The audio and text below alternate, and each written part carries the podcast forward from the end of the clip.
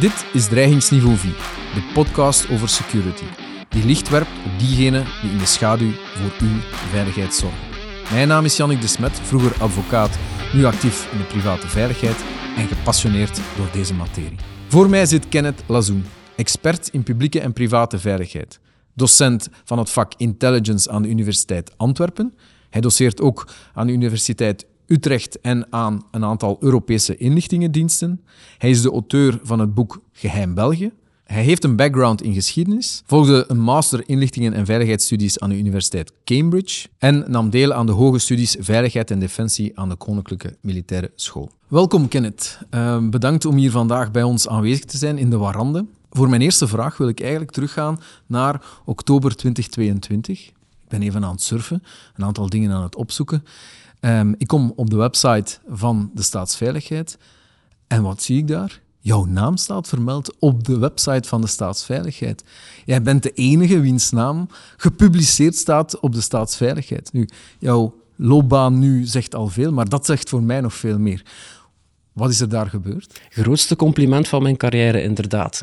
Ook uh, tegelijkertijd um, een expert genoemd worden en iemand die er helemaal niks van kent. Maar uh, ja, klopt. Ja, dat, is, dat was voor mij ook even een verrassing. Hè. Um, het is een, rare vorm van erkenning om te krijgen na al die jaren dat ik eigenlijk met deze materie bezig ben. Um, ja, ik, ik, stel mij eigenlijk altijd op als een bondgenoot van de diensten. Ik denk dat ze dat ook wel goed weten. Ik, ik verdedig hen meestal als de media mij vraagt. Maar omdat er veel dingen uh, verkeerd lopen, ja, daar krijg je dan eigenlijk nooit een reactie op. En dan heb ik ene keer een kritische noot, of eigenlijk ik laat vaak wel een kritische noot horen. Uh, maar uh, ja, ik heb nu inderdaad, eh, dat is een, een, een, interview in het Nieuwsblad geweest. Um, waarbij dat ik inderdaad wel openhartig ben geweest. En ik moet zeggen, ja, de, de journalist in kwestie heeft ook wel de, ja, de bewoordingen wel heel scherp aangehaald. Ik had eigenlijk ook wel gevraagd om dat te nuanceren. En dat is blijkbaar heel verkeerd overgekomen. En ik kan dat ergens wel begrijpen, hè. maar um, ik, zal eigenlijk heel, ik kan er heel sec op reageren. Ik weet wat ik zeg. En Um, dat bedoel ik ook van, ik heb me altijd als een bondgenoot van de diensten opgesteld. Dan krijg je eigenlijk pas eh, eens een keer erkenning als je een keer iets laat horen wat ze niet willen horen. Um, dat vind ik dan eigenlijk wel bijzonder, want dat is een, ja, ik zal nu ook heel cru zijn. Ik vond dat eigenlijk maar een vrij amateuristisch persbericht waarbij dat ik beticht word hè, op inhoud, maar er wordt niet gezegd wat ik eigenlijk verkeerd heb verteld. Hè. Ik word wel op de man af aangevallen van, hè, dit gaat over iemand die geen kennis heeft van de diensten. Goed, als je zegt dat ik fouten heb gemaakt, ik hoor het ook zeer graag. Hè. Dat zeg ik ook altijd aan mijn studenten, hè, van uh, call me out on bullshit, hè, als je denkt dat ik iets verkeerd uh, vertel. Um, maar dat hebben ze dus niet gedaan. Hè, mij gez ja. gezegd wat de fouten nu zijn. Hè. Dus dat vind ik wel um, een beetje jammer. En vandaar ook dat het dat eigenlijk ook een beetje ook wel wat is gepasseerd natuurlijk. Hè. Ja, ja. Want als je iemand beticht van fouten, moet je zeggen wat die fout gedaan heeft. Hè. Maar ik vond maar het toch wel een toffe erkenning eigenlijk. eigenlijk wel, voor een stukje wel. Um, allee, het, het, is een vrij open gesprek, dus ik kan er eigenlijk ook bij zeggen dat uiteraard...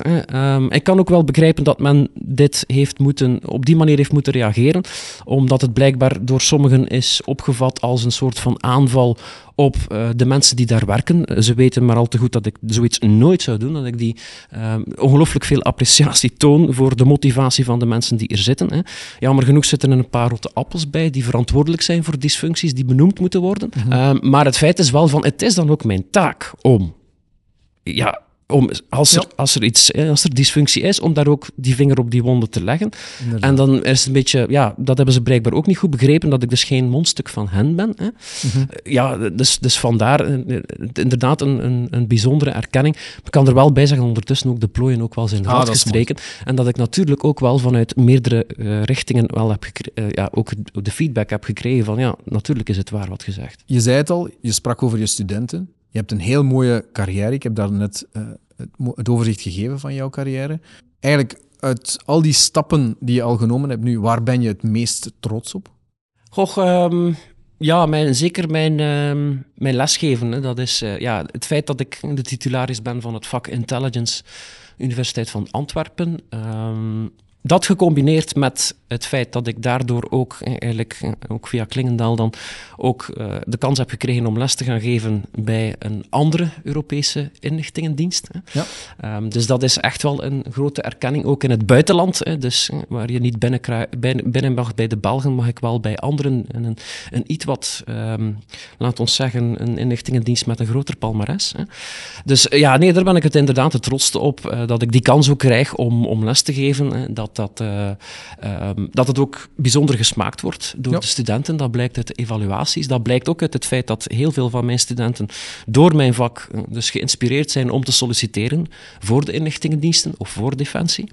En um, ja, dat, dat eigenlijk hun, hun interesse daardoor dus wordt, wordt aangewakkerd. En het voedt voor mij uh, ja, mijn passie die ik heb om les te geven. Je zei het zelf, jij inspireert anderen, maar wie heeft jou geïnspireerd om eigenlijk in deze richting te gaan? Een background in geschiedenis, maar dan alles op inlichtingen en uh, veiligheidsstudies.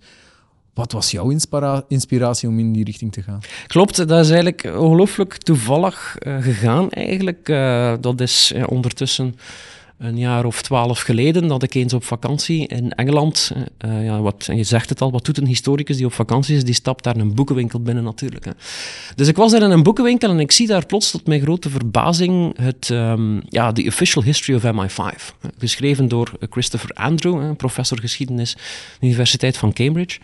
En dat was ook nog een zeer lijvig boek, dus ik was eigenlijk heel verwonderd van ja, een officiële geschiedenis van een inlichtingendienst. Dat moet toch allemaal geheim blijven.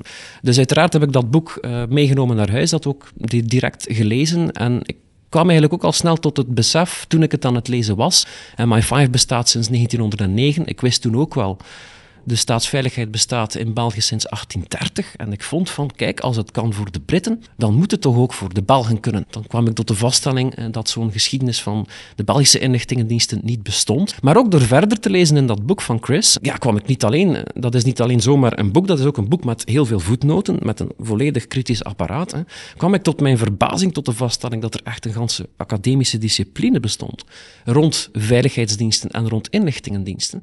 En dat had mij eigenlijk zodanig gebeten dat een aantal jaar inderdaad ik heb gezegd van um, ja, ik, ik, uh, ik, wil daar ook een kwalificatie in. Ik ben dan een master intelligence studies uh, gaan volgen. Ik ben daarvoor naar, het, naar de UK getrokken. En ben eh, Chris Andrew ook gaan opzoeken in Cambridge. Hè, en heb uiteindelijk ook met hem kunnen studeren. Hè. Als ik dan terugkeerde, heb ik mij dan toegelegd op de geschiedenis van de Belgische inlichtingendienst. Het is een mooie overstap naar jouw boek. Je bent ook auteur van een evenzeer uh, vrij lijvig boek. Het Geheim België, de geschiedenis van de inlichtingendiensten van 1830 tot met de nieuwe editie 2022. Ik heb jouw boek gelezen. Ik vond het bijzonder interessant eigenlijk. Heel goed geschreven ook. Um, Dank u. En de vraag, het is, het is uh, heel eerlijk. Um, de vraag die ik heb voor jou, als je de periode ziet van 1830 tot 2022, welke is de periode die voor jou in de geschiedenis van onze inlichtingendiensten het meest boeiende was bij het schrijven van je boek? Um, wel ja, dus dat is een beetje als, als historicus kan ik misschien niet onderuit aan die ziekte dat ik uh, het, het uh, die, die vroegere geschiedenis veel interessanter vond. Is echt de gebeurtenissen in de 19e eeuw. Um, dat is ook hetgeen wat we ondertussen al een beetje uit ons, zeker uit ons geheugen is gegaan, zeker als het over veiligheid uh, gaat en over defensiepolitiek. Uh, dus uh, verder dan Eerste Wereldoorlog gaat het voor de meeste Belgen niet, terwijl dat eigenlijk kan vaststellen dat België van in het begin al, eigenlijk al een, een aantal dreigingen heeft meegemaakt en dat altijd de veiligheidsdiensten geacht werden om daarop te reageren. En dat je dan eigenlijk al ziet hoe er dingen gebeuren die bepalend zijn voor hoe de diensten nog altijd in de wereld staan en, en functioneren. In welke zin? Wat maakt die tijd nu bepalend voor de manier waarop de, de diensten nu werken? Kort samengevat, omdat um, de problemen die de diensten vandaag hebben nog exact dezelfde zijn als de problemen die ze vanaf dag één hadden.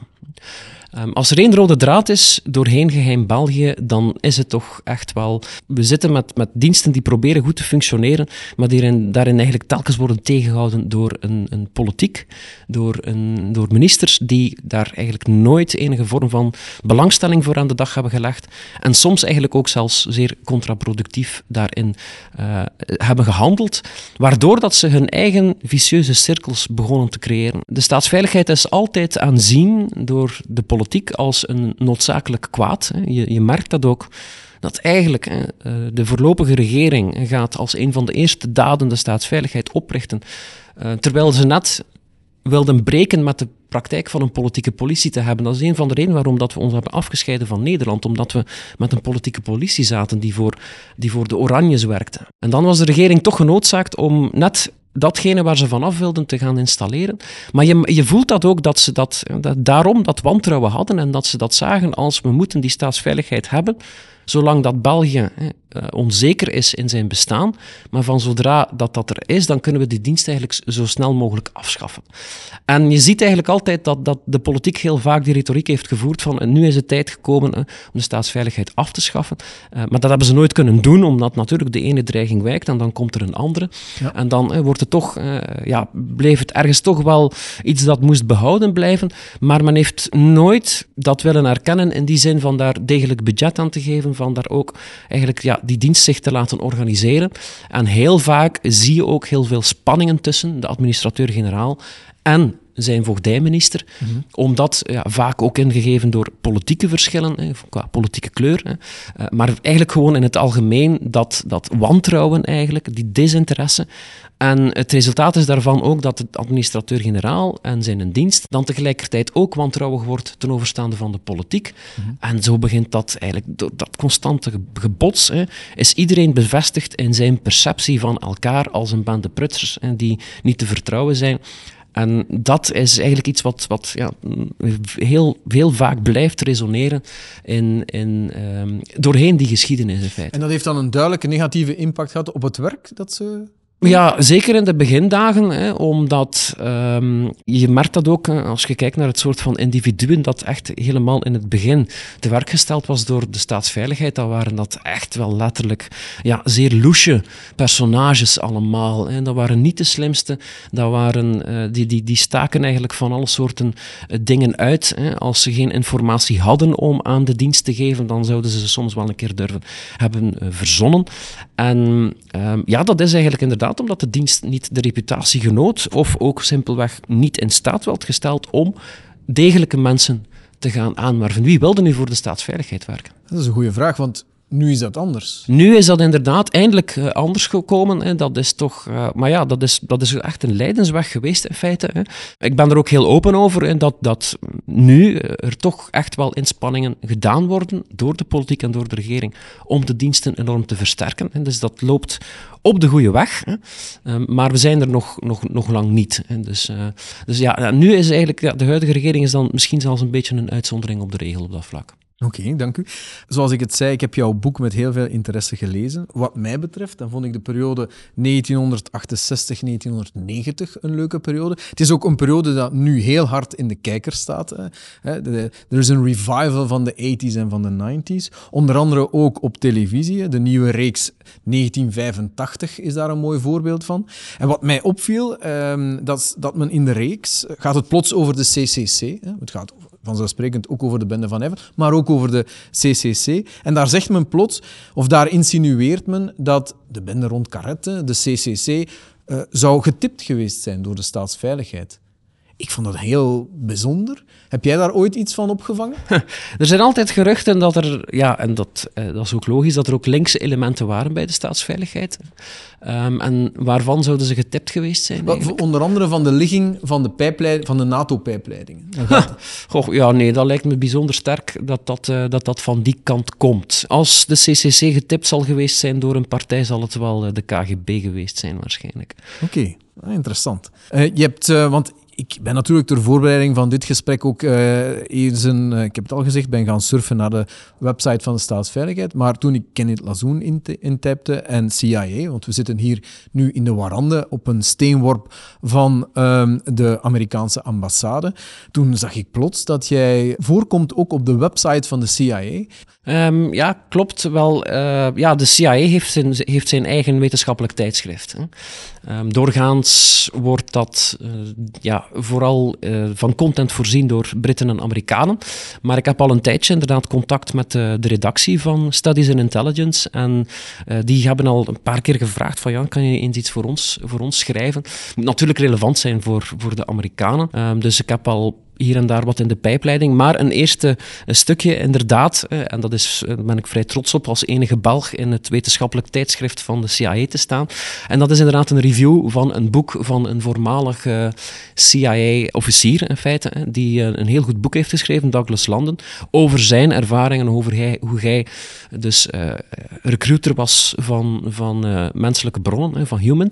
Ja. En dus inderdaad ook zijn reflecties meegeeft over hoe de, hoe de CIA heeft gefunctioneerd en zo. Dus ja, men had mij uitgenodigd om die review te schrijven, dus ik heb dat met veel plezier gedaan. Super interessant. Ik wil nu even naar de laatste editie van, jou, uh, van jouw boek Geheim België. Waarom ik denk waarschijnlijk was het boek al wel uitverkocht, het, e-, de eerste uh, editie. Maar je, je gaat eigenlijk in de nieuwe editie twee jaar verder dan de vorige editie. Wat is er eigenlijk bijgekomen? Klopt. En ja, inderdaad, uh, er is uh, een nieuwe editie gekomen omdat de eerste twee drukken uh, uitverkocht waren. En bij de vraag van, oké, we doen een herdruk sowieso, maar dat was het inderdaad zo van, ja, maar in die twee jaar is er ondertussen weer zoveel gebeurd op vlak van de inlichtingendiensten, zijnde uiteraard vooral de affaire Konings, maar dan ook het feit dat, dat ja, het geopolitieke toneel fundamenteel is um, gesubverteerd door de daden van uh, Poetin in Oekraïne. Dat men vond van, ja, zie je het zitten om daar inderdaad een update van te voorzien, vooral dan uh, met het, uh, het geval Jurgen Konings. En dat is eigenlijk wat dat laatste hoofdstuk beslaat. En vooral dus wat is er gebeurd um, met, met Konings? Hoe hebben de diensten kunnen ook moeten omgaan met de COVID-pandemie, om, om te kunnen blijven functioneren? En uh, dan inderdaad van wat is nu de impact hè, op uh, Brussel van het feit dat de spanningen zo hoog zijn met Rusland? Ik luister ook naar andere podcasts, onder andere de podcast Intelligence Matters van Michael Morell, een voormalige uh, adjunct-directeur van de CIA. En uh, in een van de laatste afleveringen heeft hij het met uh, de verantwoordelijke voor de OSINT binnen de CIA over OSINT en, en het feit dat ja, geheim verdwijnt. Dat is haar standpunt. En dus het belang van open source intelligence neemt alsmaar toe en wordt eigenlijk alsmaar een belangrijkere bron voor het werk van de inlichtingendiensten. Wat is jouw standpunt daaromtrent? Goh, ik ben het daarmee eens en ik zou er eigenlijk bij zeggen van we moeten daar ook niet onnozel over doen. Hè. Eh, open source is 90% van het inlichtingenwerk als het al niet meer is. Hè. Mm um, dus inderdaad, um, het feit is natuurlijk ook dat dankzij het internet dat er gewoon zodanig veel informatie beschikbaar is. Hè. En um, als je inderdaad kijkt naar, naar uh, initiatieven zoals Bellingcat, ja. die gewoon eender wie die er, zin in heeft, die over een smartphone en een internetverbinding beschikt, hè, dus mee kan helpen aan de onderzoeken die gedaan worden, uh, maar ook ja, dus inderdaad effectief het gaan afschuimen van, van alle sociale media, zoals Instagram, um, ja, Facebook, TikTok nu ook, al de geolocatie gaan doen en ook de tactieken die daar kunnen worden toegepast, dan zie je dat er echt ongelooflijk veel mogelijk is op dat vlak, als je er gewoon een beetje op toelegt en dat klopt. Het internet heeft in die zin, of sociale media, heeft eigenlijk in die zin intelligence gedemocratiseerd. Dat zie je inderdaad. Er is een, een heel interessant uh, filmpje um, op YouTube over hoe het Franse leger zijn aanwezigheid in operatie Barkan eigenlijk totaal heeft gecompromitteerd doordat al die militairen continu van alles aan het posten waren op Instagram, allerlei onschuldige dingen, maar waaruit dat je perfect kon geolocatie doen, die mensen hun, hun traject volgen tot, tot bij hun adres thuis. Hè. Mm um, en ja, dat is, dat is niet meer het voorbehoud van, van geprofessionaliseerde inlichtingendiensten om dat te doen. Eender wie die daar nu zin in heeft, uh, die een beetje kan, uh, ja, aan de slag kan met, met, wat, met wat commands en, en, um, en wat, wat speciaalere zoekmachines dan Google, die kan dat allemaal uh, dus nu ook mee gaan doen.